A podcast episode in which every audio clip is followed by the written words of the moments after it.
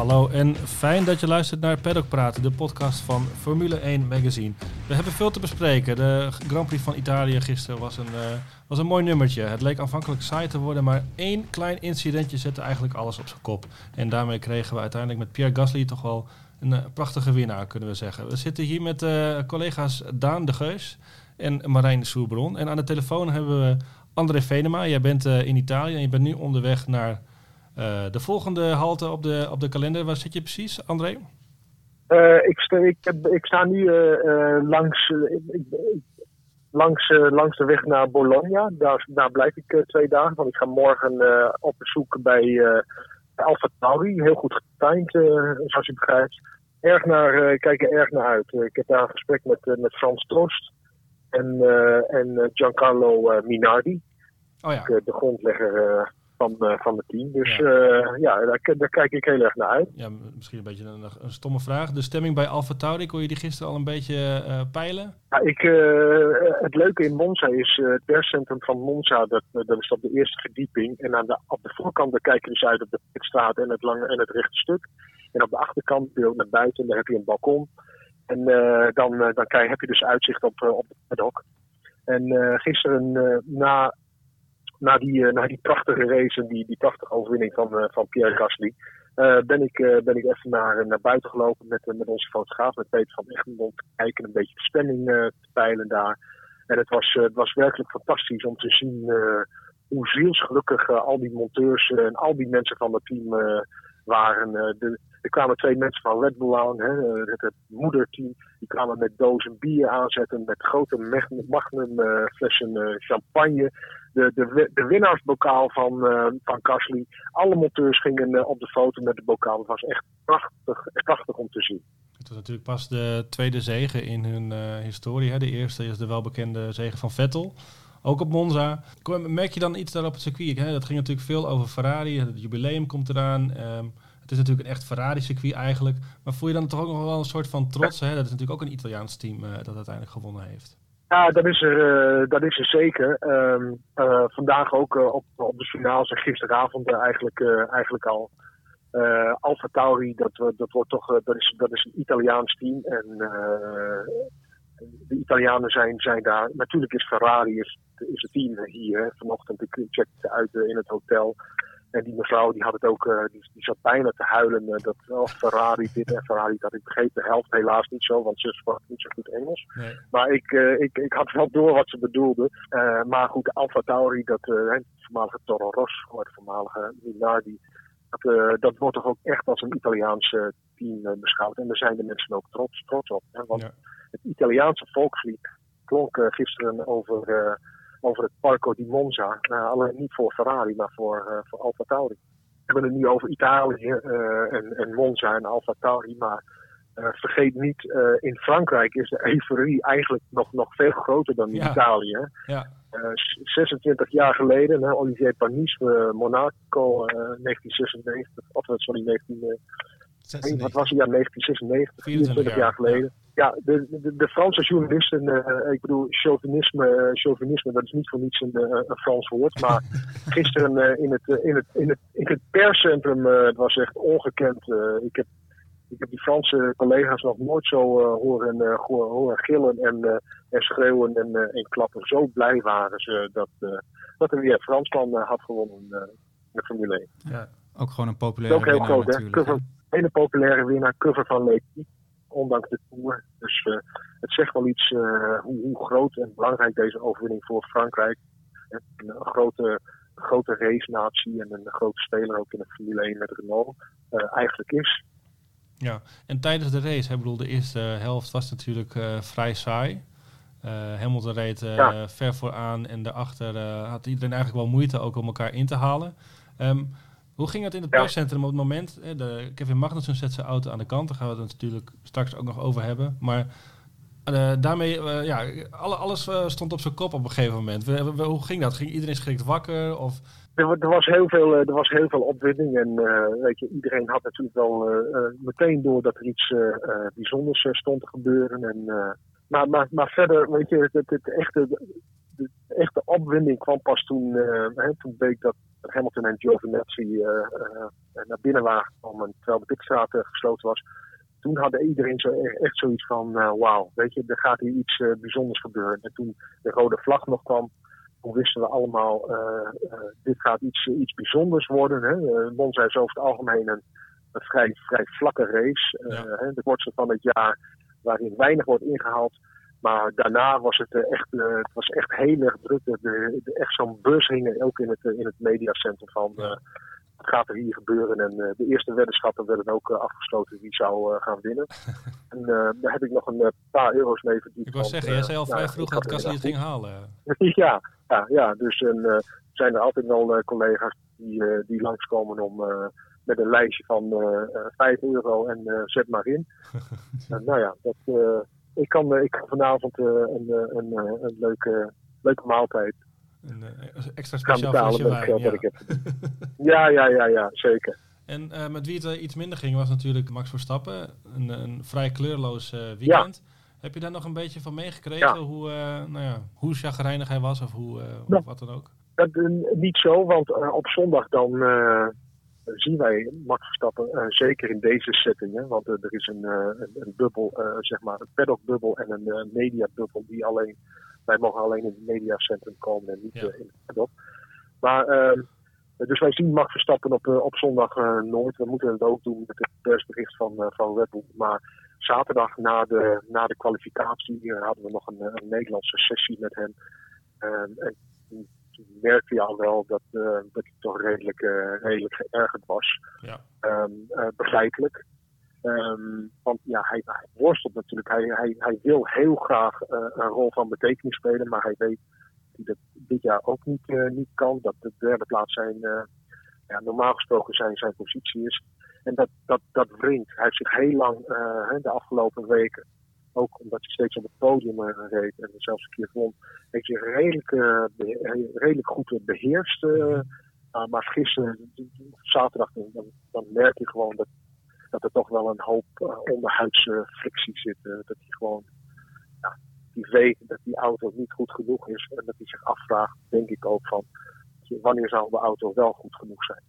Die vraag die, die hem nu al enkele jaren bezig. Dus dat, dat zal ongetwijfeld eh, een bepaalde ergernis bij hem, eh, bij hem, eh, bij hem opwekken. Hoezeer die ook van het team houdt. Ja, want André, jij hebt Hij wil winnen.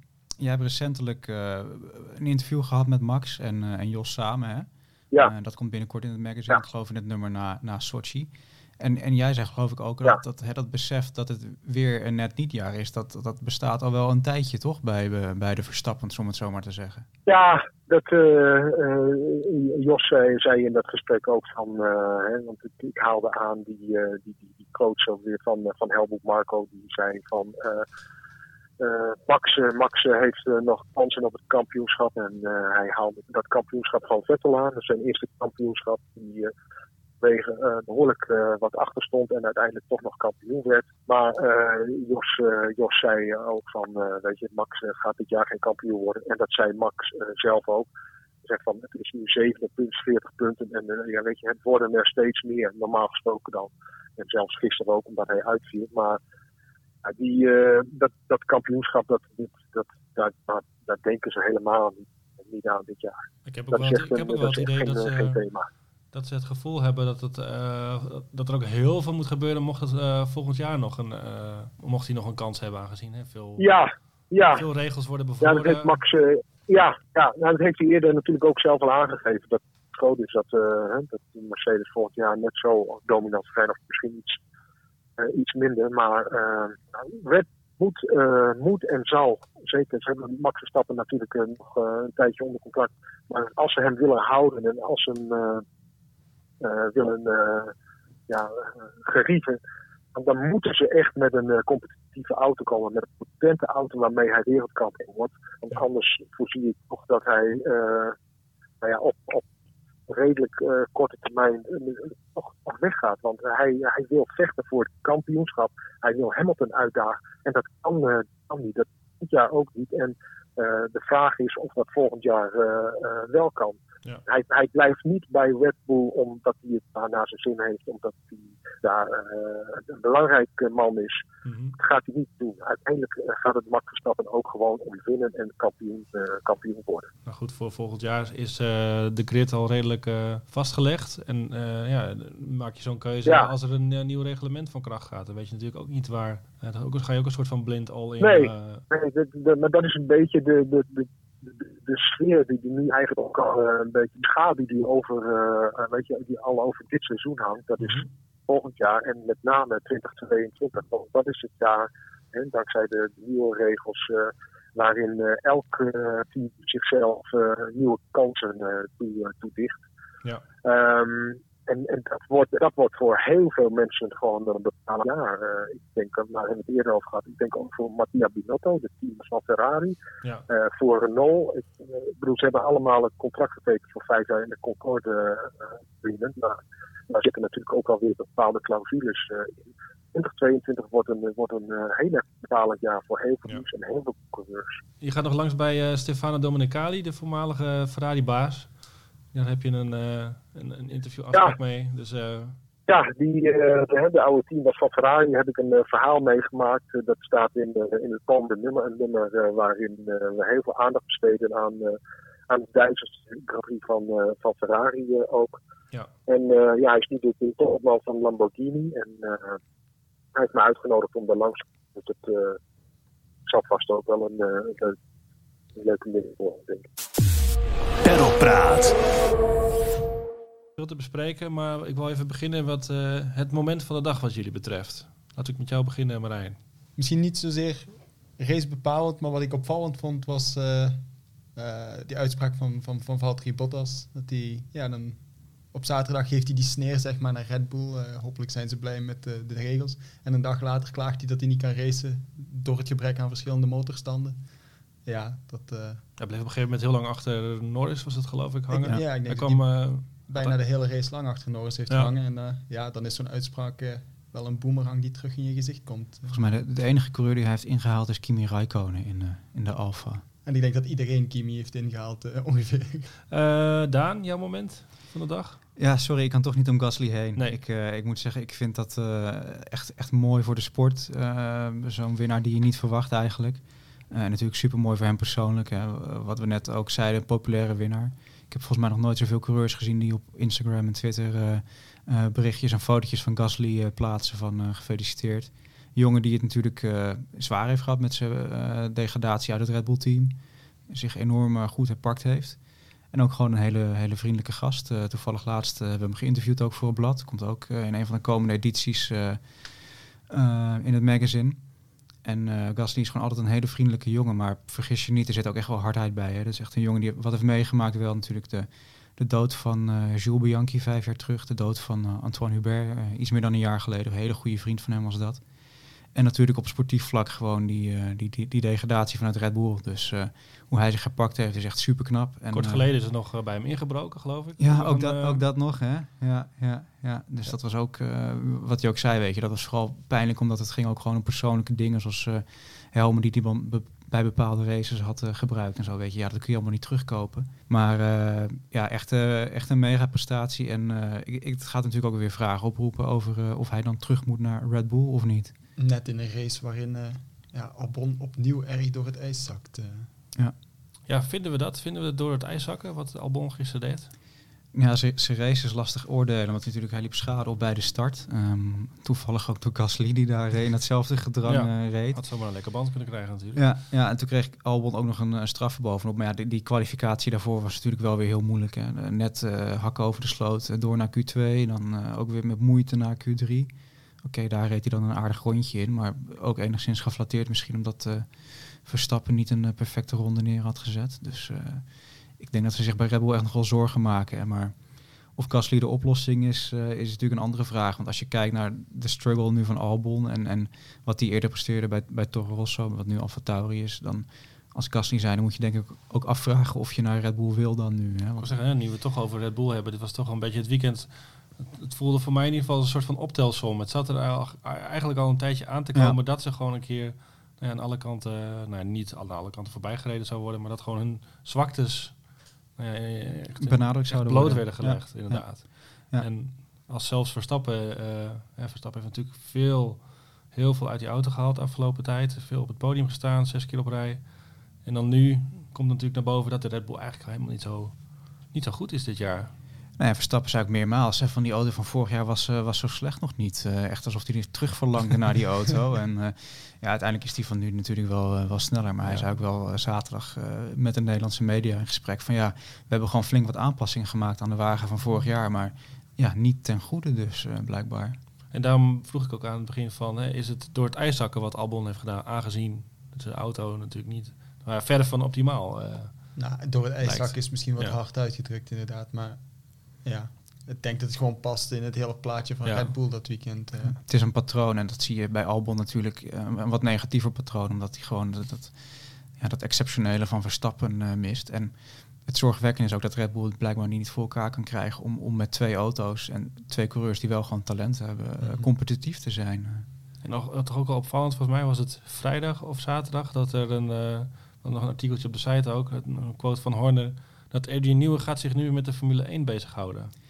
Ja, en we hadden het daar nog over hè, op de, de app. Ja. Dat we het toch wel opmerkelijk vonden, zo'n uh, part-timer van uh, enkele miljoenen per jaar. Uh. En ze heeft natuurlijk veel met het Valkyrie-project ja. gedaan. Dat is eigenlijk een soort van zijn kindje geweest. Nou, dat is klaar. Ja. Leuk, leuke bijverdiensten waarschijnlijk voor Red Bull ook natuurlijk. En natuurlijk goed voor de technology afdeling van het merk. Maar ja, het Formule 1-team lijkt er toch wel onder geleden te hebben.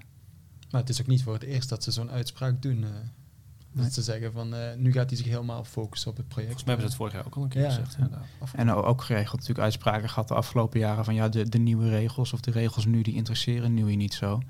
Ja, dat kan allemaal, maar uh, blijkbaar is, is het toch ook lastig geweest om hem volwaardig op te vangen binnen dat team. Zou het kunnen zijn dat ze hem niet helemaal onder controle hebben? Is dat, of is dat heel ver gezocht? Volgens mij de grootste zorg qua controle is uh, Newey's liefhebberij voor racen met uh, oude auto's. Omdat hij wel redelijk uh, hard schijnt te kunnen en willen rijden, maar ook af en toe wel eens iets over de grens gaat.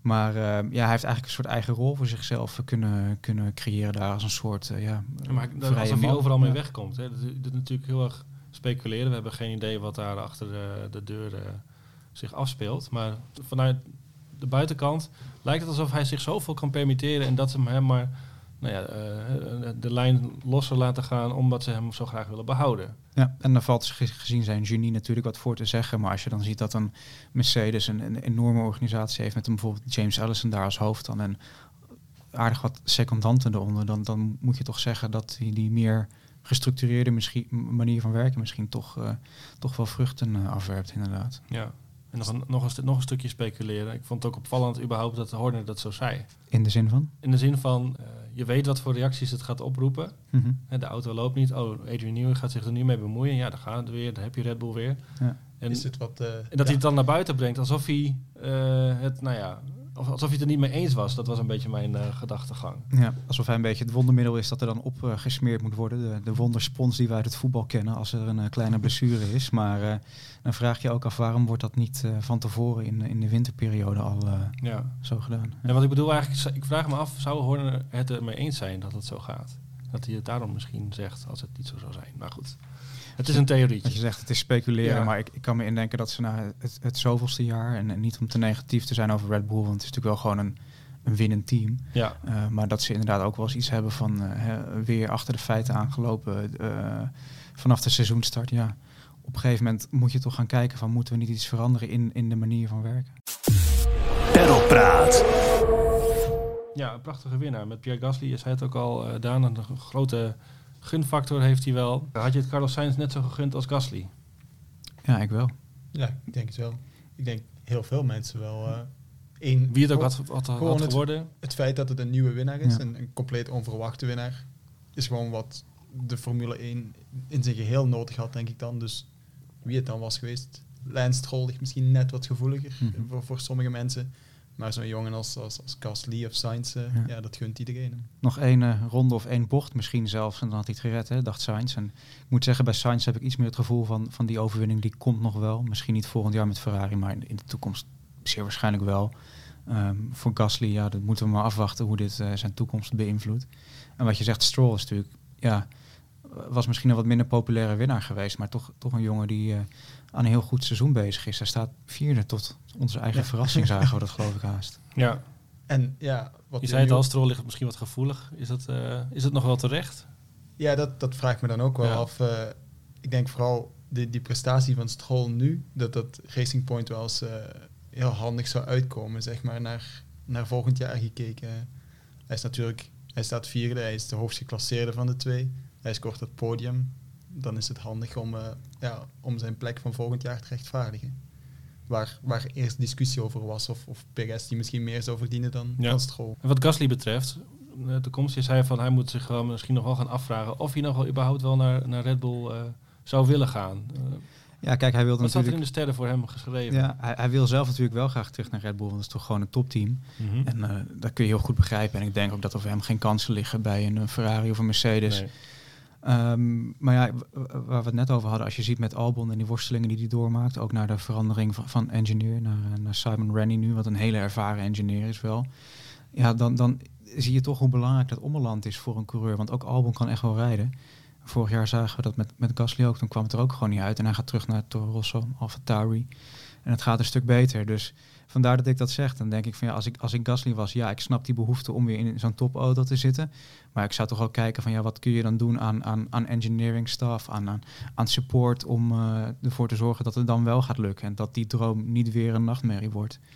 En ik denk ook wel als je kijkt naar, uh, ik vond het heel pijnlijk vorig jaar die, die Netflix uh, serie Drive to Survive, die een aflevering over Gasly.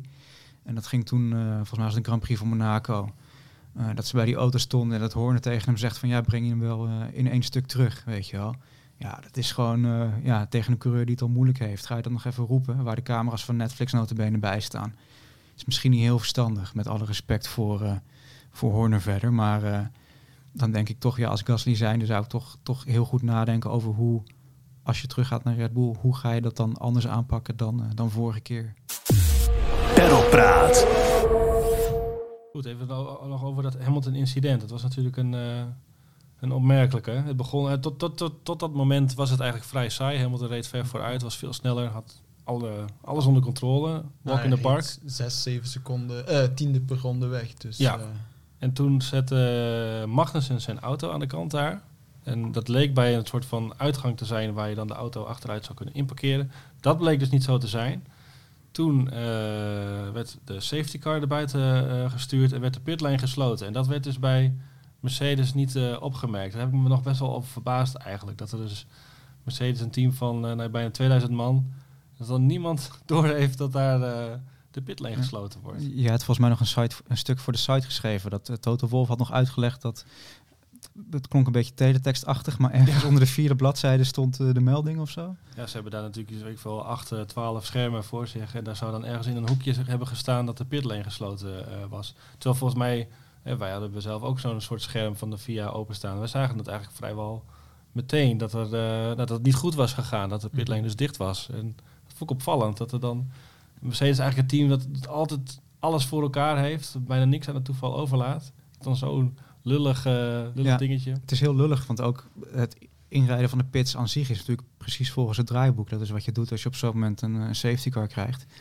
En uh, ja, Hamilton had gewaarschuwd kunnen zijn door de borden die dan uh, in de parabolica hingen nog. Maar ja, dat is zo'n snelle bocht.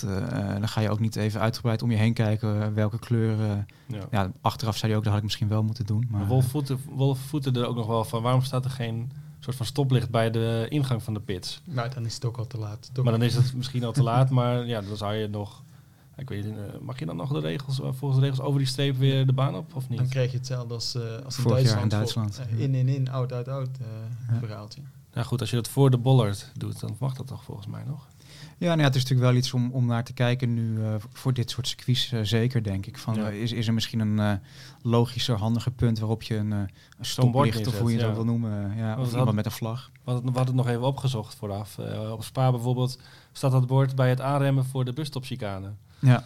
Waar je dus met nou ja, 330 komt aandenderen. En dat je dus dan ook nog even dat bord moet opmerken. Heb je ook wat anders aan je hoofd? ja.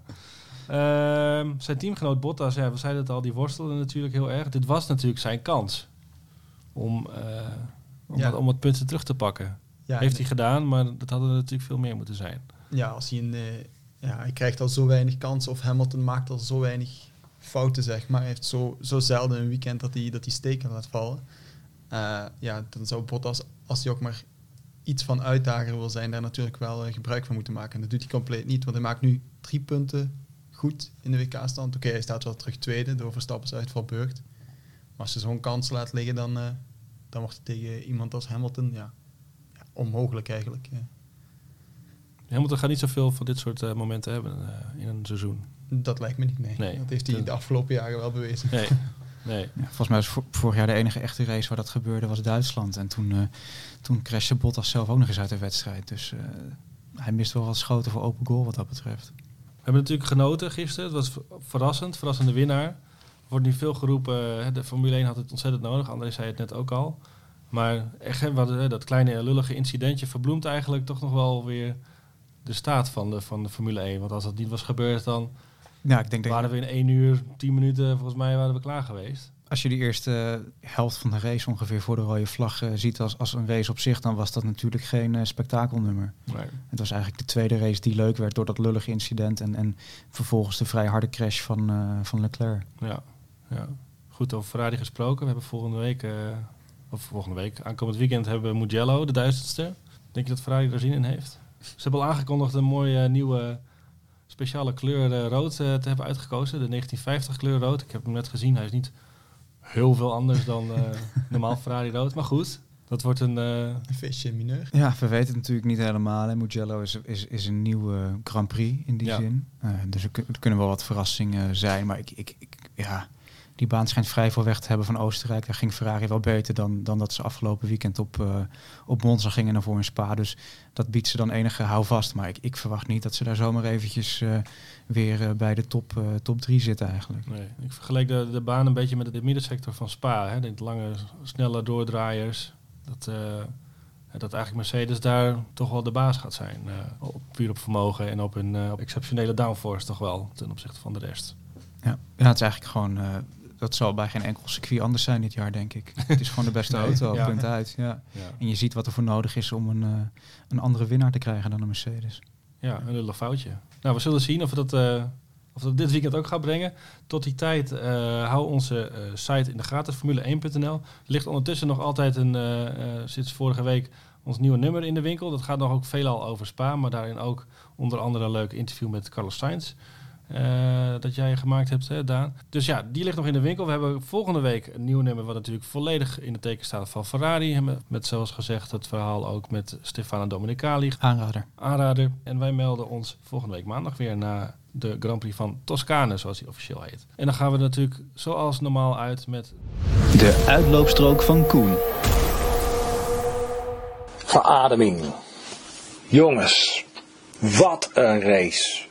Twee jonge wolven die in de slotfase achter elkaar aanjakkeren om de zegen op Monza. Dit was onversneden Formule 1 geschiedenis, die zich onder onze ogen schreef. Maakte niet meer uit wie er won. Over deze race hebben we het over tientallen jaren nog. Net als over die zegen van Sebastian Vettel op Monza in 2008. Of denk aan de overwinning van Gerhard Berger in 1988. Of het mirakel van Peter Geddin uit 1971. Geef toe dat jullie zondag ook klaar zaten voor een kort middagslaapje. Een beetje snoezen in het koninklijke park van Monza. En dan chaos. Met dank aan de Italiaanse verkeersregels. Want het stoplicht voor de pitstraat blijkt op Monza ergens in het bos te staan. Aan de buitenkant van de bocht. Wat leer je tijdens je eerste rijles? Niet naar de buitenkant van de bocht kijken, want dan stuur je daarheen. Zou Charles Leclerc dat gedaan hebben? Nee, nee, nee, nee. Nu even niet Ferrari plagen. Het is allemaal al erg genoeg zo. Maar blijkbaar ging er op de pitmuur ook geen zwaailicht branden. Ja, ergens op pagina 825 van de timesheet stond te lezen dat de pitlane dichtging. Maar in de control room op de Mercedes-fabriek zat blijkbaar geen nerd om pagina zoveel van die timesheets te monitoren. Hoe moet dat, als ze straks nog maar een derde van het budget hebben? Hoe dan ook, Lewis reed als een rat in de val. 10 seconds stop and go penalty. Zuur natuurlijk dat Max er niet was om de scherven op te rapen. En omdat Bottas een echt Bottas weekendje had, reden er ineens allemaal andere coureurs aan de leiding. Wat een verademing! Kimi, Strolli, Gasly, Sainz. Ik gunde het ze allemaal. Nou ja, Kimi ging het niet halen met zijn Ferrari motor achterin. En Strolli had tijdens de rode vlagfase gratis en voor niets zijn banden kunnen wisselen. Schaf die regel nou toch eens af, via. Dus een podium voor hem was al meer dan genoeg. Bleven over Gasly en Sainz. En daar scheurden ze over dat geweldige circuit. Voor de geheel opgeveerde Formule 1 wereld vlogen ze door de Corva Grande, de Lesmo, Ascari, Parabolica. Ik gunde het Gasly, die duidelijk de race van zijn leven reed. En ik gunde het McLaren, dat zo geweldig op de weg terug is. History in the making. Wie had dat gedacht? In een Formule 1 seizoen dat zo muurvast op slot zit. Een race die nog uren, nog dagenlang natintelt. Maar juist omdat dit soort spektakelstukken er ook in zitten, blijven we kijken naar die wonderbaarlijke sport die de Formule 1 heet.